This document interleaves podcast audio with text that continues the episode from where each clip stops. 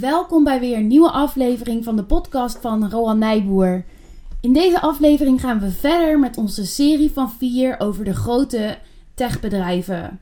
In deze aflevering gaan we het dan ook hebben over Amazon. Amazon. Blijf luisteren.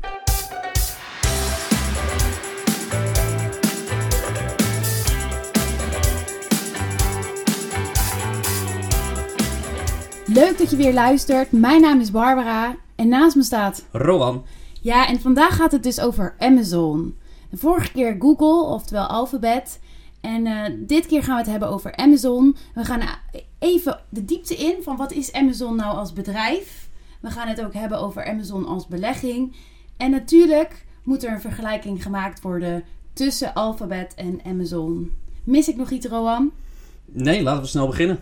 Goed, dan laten we beginnen bij wat is Amazon eigenlijk? Wat doet het als bedrijf?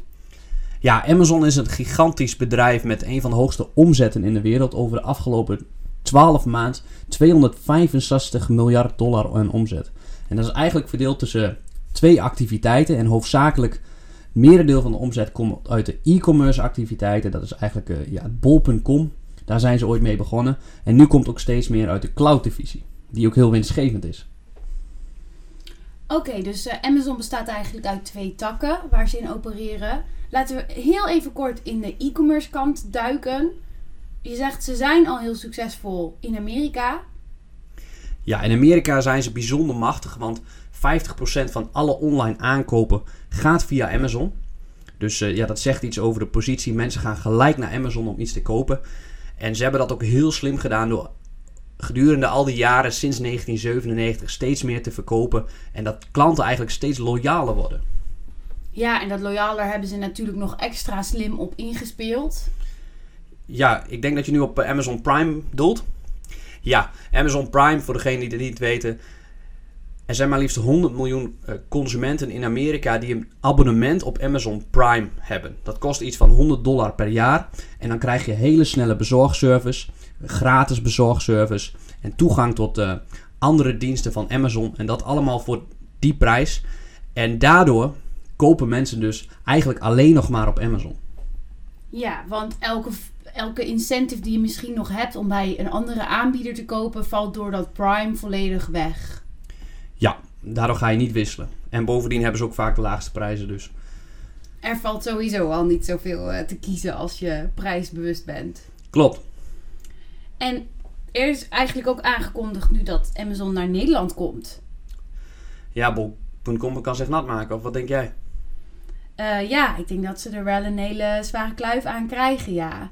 He, gaat Amazon dan ook in Nederland echt andere dingen aanbieden dan boeken? Ja, want nu uh, Amazon.nl bestaat al langer. Daar kun je de Kindle boeken vooral halen. Ja, dat is de e-reader van uh, Amazon zelf, toch? Ja. ja. ja. Daar hebben ze ook zelf ontwikkeld. Ook een geniaal iets van Jeff Bezos, de baas. Maar dat komt misschien later over het management.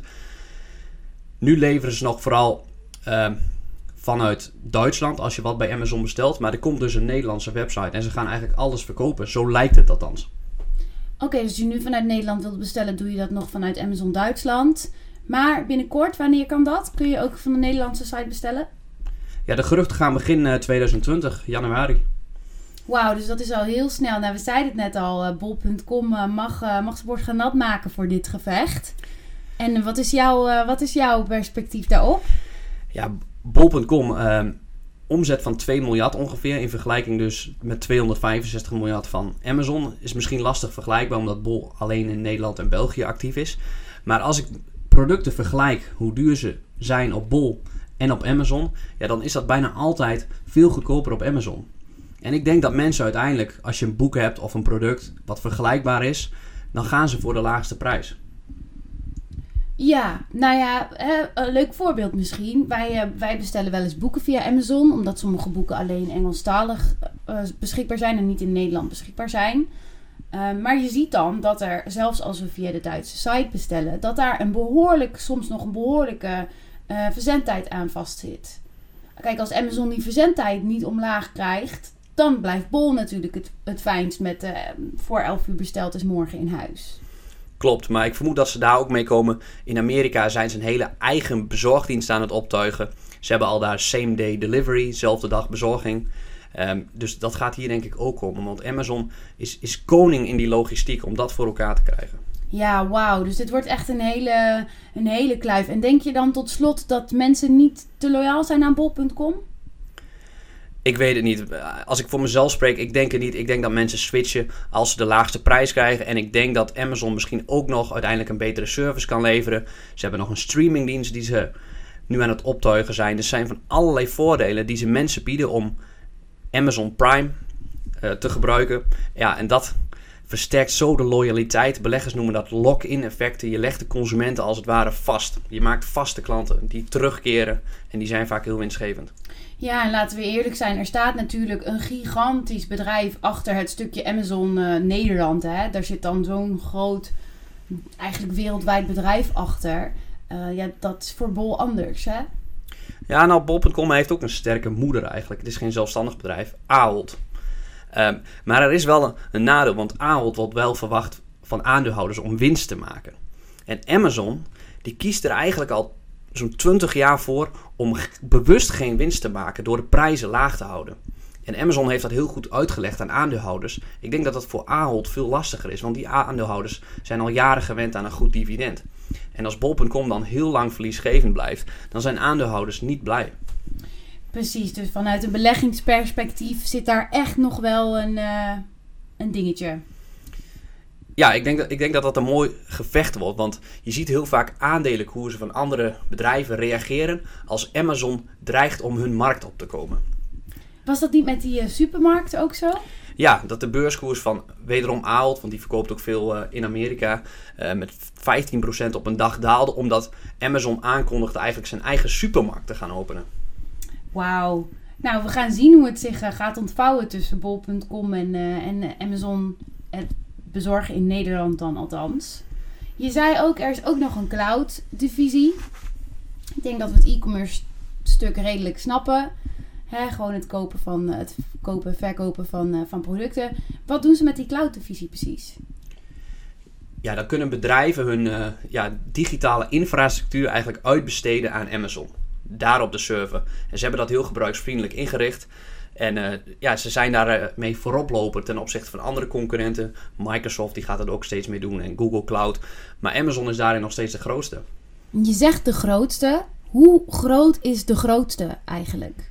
Het is nog steeds de kleinste, veruit de kleinste tak van Amazon, want het bedraagt slechts 12% van de omzet. Maar het bedraagt toch over de afgelopen 12 maand 32 miljard aan omzet. En wat vooral hierbij knap is, doordat het abonnementen zijn, is het super winstgevend. Want als Amazon bijvoorbeeld eenmaal een datacenter heeft staan, alle extra inkomsten die daaruit komen, zijn pure winst. En daardoor, van die 32 miljard, is er de afgelopen 12 maanden ook al 9 miljard aan winst overgebleven. En zo'n cloud-oplossing heeft natuurlijk ook een ongelooflijk lock-in effect. We hadden het eigenlijk net over Prime, maar om als alles gebouwd is op dat platform van Amazon, om dat ooit in de toekomst te gaan overzetten als jouw business groot en succesvol is, dat is natuurlijk uh, bijna niet te doen. Dus een grote kans dat een heel, een heel groot deel van de afnemers ook voor een hele lange tijd bij Amazon blijft. Ja, klopt. Softwarebedrijven en zulke contracten, software as a service is dat allemaal. Dat zijn vaak zulke goede beleggingen op de lange termijn, omdat klanten dus niet wisselen. Wij zitten zelf ook voor ons bedrijf bij uh, Google Cloud, de G Suite. Ik denk niet dat we de komende tijd gaan, gaan wisselen. Dat, dat willen we niet. Uh, nee, ik denk niet dat we snel uh, gaan wisselen. Ja, we zijn natuurlijk deze podcast aan het opnemen om een goede analyse van Amazon te geven. En we doen dat altijd aan de hand van een viertrapsraket. Die bestaat eigenlijk uit de vier onderdelen: begrijpen, het competitief voordeel, management en. De waardering. De waardering, het, het favoriete stuk van Rohan. Nee. Um, en eigenlijk hebben we net al het stuk begrijpen gedaan. Hè? Wat doet het bedrijf eigenlijk? Hoe verdient het zijn geld? Hoe verdient het zijn geld? We snappen nu wat Amazon doet. En hè, dat het, we weten nu dat het twee takken heeft, even heel grof gezegd. Dus het is tijd voor het competitieve voordeel. Leuk, vet. Want het competitief voordeel bepaalt eigenlijk de waarde voor de toekomst. Want hoe sterker het bedrijf, hoe beter het bestand is in de toekomst tegen concurrenten.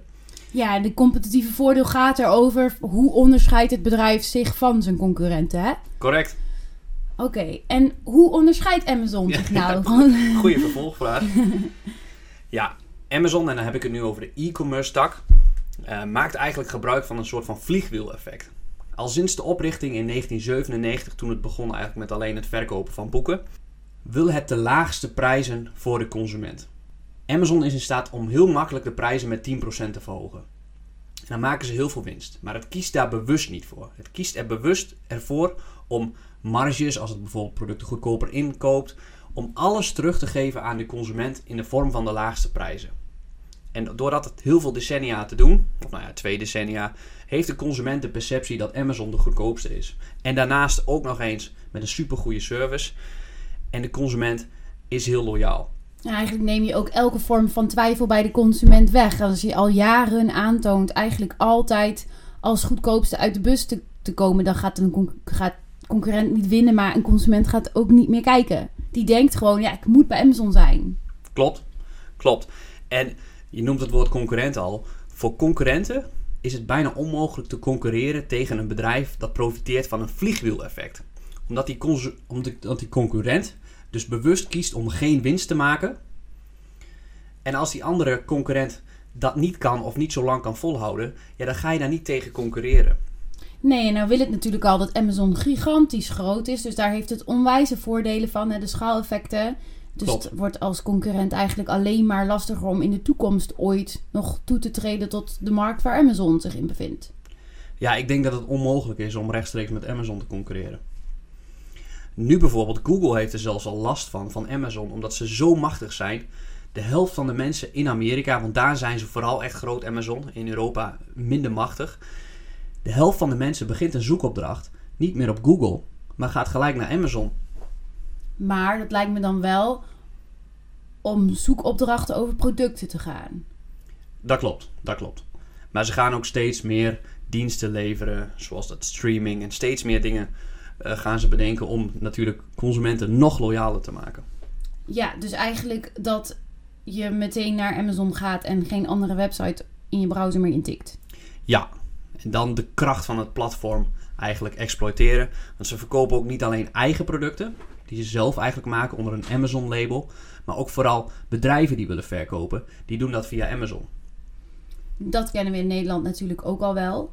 Ja, via bol.com is dat ook mogelijk. Ja, en ik denk dan ook aan een, aan een ja, marktplaats waar je toch ook al ziet dat het niet alleen maar meer tweedehands is, maar toch ook wel veel winkels die uh, hun eigen ding daar aanbieden. Ja, dat schuift steeds meer in elkaar. Dat klopt. Nou, volgens mij hebben we nu het competitieve voordeel wel kort en krachtig besproken. Misschien kun je het nog één keer voor ons samenvatten, Rowan. Oké, ja, ik heb eigenlijk vier punten. Eerste, dat vliegwiel-effect. De consument continu lage prijzen geven. Dat zorgt er waarschijnlijk voor dat Amazon nog heel lang heel hard kan groeien. En daarnaast heb je de, de lock-in effecten voor Amazon Prime, dus die een abonnement hebben. En ook nog het logistieke netwerk dat Amazon aan het uitbouwen is. Dat wordt echt de kracht van de toekomst ook. En bij de cloud divisie, ja, ook de lock-in effecten van die softwarecontracten.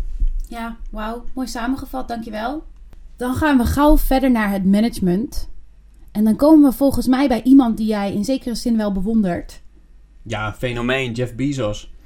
Ik heb al uh, boeken van hem in de kast zien staan. ja, de Everything Store. De alleswinkel waar je alles kan kopen, dat gaat over hem. Of nou ja, over Amazon en hoe hij dat eigenlijk heeft opgericht. Want ik vind, ik vind dat een fenomenaal verhaal. Ja, hij heeft een sterke visie. Ja, want uh, achteraf lijkt het makkelijk dat Amazon zo succesvol zal worden. Maar in 1997 begon iedereen met internetbedrijfjes, met uh, webwinkels. Alleen hij, hij is groot geworden. En heel veel anderen zijn gesneuveld. En wat is, dan, wat is dan het verschil tussen hem en al die anderen die een poging deden groot te worden? Ik denk vooral dat hij de lange termijn zo goed in het vaandel hield. Hij heeft altijd uitgelegd aan aandeelhouders: wij gaan voorlopig geen winst maken. We gaan nooit, of nou ja, niet nooit, maar we gaan voorlopig geen winst maken. De komende jaren. Dat zou niet best zijn. En, en, en normaal is dat heel lastig uit te leggen aan aandeelhouders, want die willen op korte termijn rendement zien. Maar hij heeft dat zo goed uitgelegd dat ze eerst de klant gaan helpen en dan volgt waarschijnlijk de rest voor de aandeelhouder in de verre toekomst wel. Ja, dus jij gelooft gewoon echt heel sterk in de, de mooie visie die Jeff Bezos heeft. Ehm, hoe kijk je daar nou vanuit een beleggingsperspectief naar voor het analyseren van het aandeel Amazon? Nou, bij management ga je terugkijken, want dat is eigenlijk het enige wat je kan zien. Bewijs, je wil bewijs voor dat het goed management is. Wat ik bijvoorbeeld fenomenaal vond, is, is de uitvinding van de Kindle, de e-reader van Amazon. En wat ze eigenlijk toen deden, want ze kwamen er als eerste mee. Wat ze eigenlijk deden is hun vorige businessmodel, waarin ze fysieke boeken verkochten, eigenlijk voor een deel kapot maakten. Omdat ze nu zeiden, hey, we hebben nu de Kindle, koop maar digitale boeken. En dat kapot maken van een deel van je eigen business, dat is het allermoeilijkste. Want je, je, je verliest inkomsten aan de ene kant. Netflix is een mooi voorbeeld. Er staat ook een mooi blog op eh, onze website, romannijboek.nl. Die CEO, Netflix was eerst een videoverhuurbedrijf. Vroeger had je nog video's. Alleen, ze zagen al aankomen, dit wordt hem niet meer. En in plaats van te lang aan dat vast te houden, hebben ze dat gestopt en zijn ze vol voor streaming gegaan. Ja, een hele knappe en uh, dappere beslissing. Ik heb toevallig ooit een case geschreven over Kodak. En uh, ja, Kodak is er aan onderdoor gegaan, zeggen ze. Uh, door niet over te stappen naar de digitale camera en vast te houden aan het oude, het filmrolletje. En, en, uiteindelijk daar ook aan failliet gegaan door die stap niet te durven nemen. Mooi voorbeeld, ja. En je ziet vaak dat de gevestigde spelers dat niet doen. Een mooi voorbeeld is ook de auto-industrie. De beste, nieuwste tech, eh, elektrische auto kwam niet van Volkswagen of BMW of General Motors. Die kwam van een nieuwe speler, Tesla. Ja, het is zo lastig om dat als gevestigde speler te doen. En daar heb je goed management voor nodig.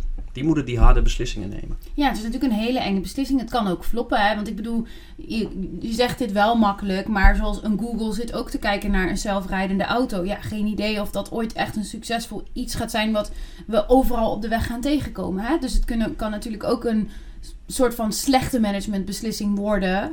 Waarmee je de boeken ingaat als slechtste beslissing ooit over een idee dat je had. Ja, Klopt, maar wat Amazon dan doet, uh, is heel veel experimenteren. Want ze hebben ook de Amazon uh, telefoon uh, uitgebracht. Dus totaal geflopt. Ja. Maar, maar, dan stoppen ze er vrij snel mee. Ze doen dus 100 experimentjes en ze kijken of het werkt. Daar is bijvoorbeeld die cloud-divisie uit voortgekomen.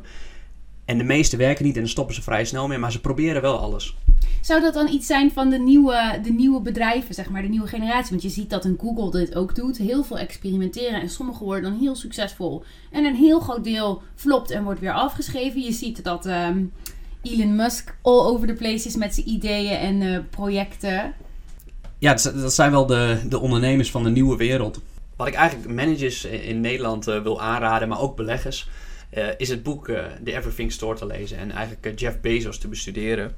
Um, wat, ik, wat ik niet zo, ja, waar hij misschien een wat, wat dure fout heeft gemaakt, is de scheiding. Maar de duurste scheiding oh, ter wereld. we zijn hier niet van de weekend. Oh. RTL Boulevard, hallo. De duurste scheiding, want hij is natuurlijk de rijkste man op de wereld met iets van 130 miljard. Althans, dat was hij. En nu gaat hij scheiden. Ja, dus als wij gaan, ooit gaan scheiden, krijg ik toch ook de helft van je vermogen? Ja, dan krijg jij de helft. Ja, ja. Als je het niet al opgemaakt hebt. het zit allemaal in belegging, hè? Zo werkt dat niet. Ja. Nee, oké. we gaan gauw verder. Uh, naar de waardering, Rowan. Een van je favoriete stukken. Eigenlijk zijn ze allemaal je favoriete stukken. Maar volgens mij heb je toch echt wel heel veel liefde voor die cijfertjes.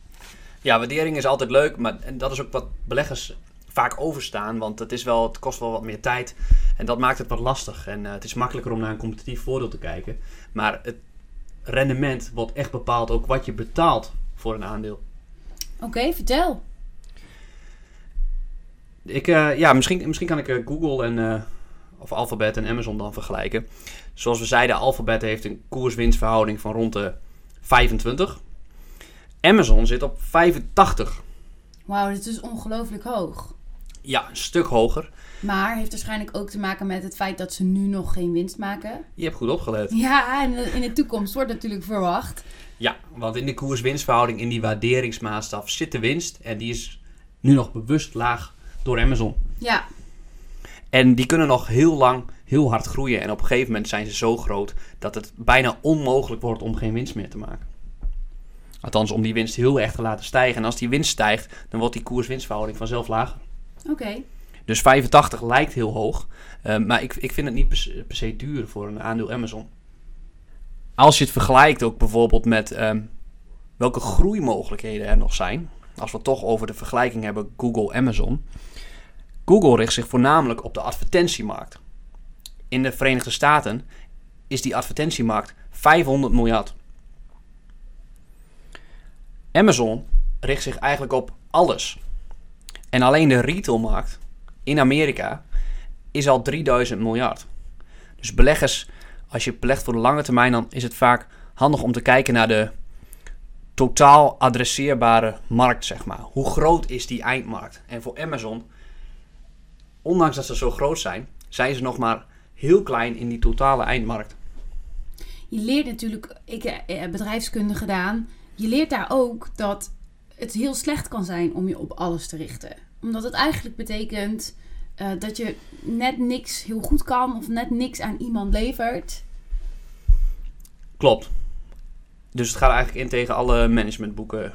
Nou, in zekere zin. Maar we hadden het net al een beetje over een nieuwe generatie. En misschien is dat ook wel dit.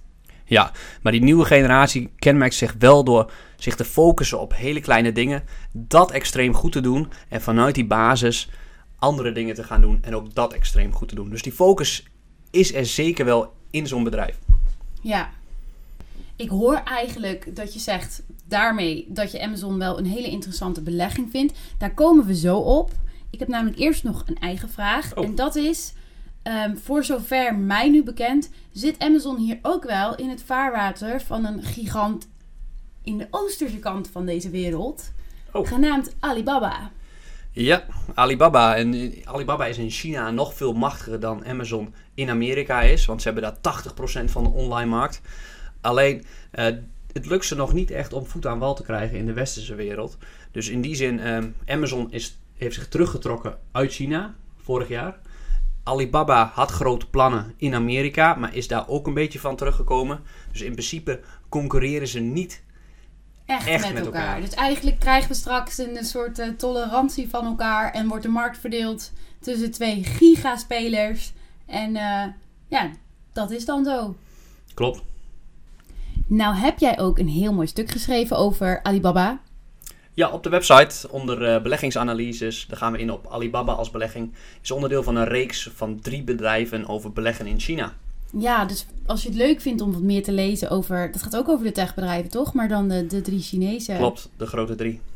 Als je dat leuk vindt, kijk dan even op roelnijboer.nl onder beleggingsanalyses. En daar vind je de reeks in een pdf. Goed, we gaan het tot een einde brengen. We moeten het natuurlijk nog hebben over de hamvraag van deze aflevering. Hoe kijk jij naar Amazon als belegging? Als belegging. Ja, één aandeel kost momenteel 1750 dollar. één stuk ik, ik vind het moeilijk. Amazon lijkt me niet duur, maar er zijn ook zeker risico's. Wat zijn die risico's dan? Nou, net als bij die andere grote IT-bedrijven, regulering. Dat ze niet zo machtig mogen zijn. Nou lijkt me dat heel lastig om Amazon bijvoorbeeld bij e-commerce te zeggen: ja, jullie mogen niet meer groeien. Wat dan zou kunnen gebeuren is, als ze niet meer mogen groeien, is dat ze de prijzen gaan verhogen en dan dus heel veel winst gaan maken. Het kan zijn dat ze de cloud en de e-commerce moeten opsplitsen in de toekomst. Hoe dat eruit gaat zien, geen idee.